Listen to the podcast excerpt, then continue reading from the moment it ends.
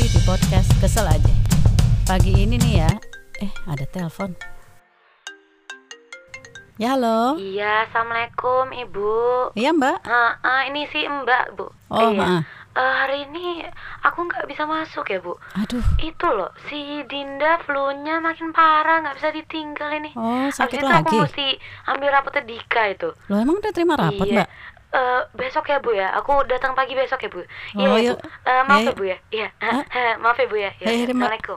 Aduh, Simba nggak masuk lagi. Padahal ya, gue tuh dari pagi udah punya rencana deh pengen kerjain macam-macam. Salah satunya gue pengen ke mall, ibu-ibu biasa lah ya. Sekedar cuman pengen makan ramen doang. Tapi sekarang moodnya jadi berubah deh. Simba nggak masuk, ngeliat rumah berantakan, dapur berantakan, cucian banyak. Gimana dong ya? Itu asisten rumah tangga sekarang tuh ya kerja semau mau dia sendiri deh. Gaji mau tinggi, tapi sebulan dia bisa 8 kali libur. Itu di mana ilmunya ya gitu. Kayaknya lebih bos dia sih daripada kita sendiri.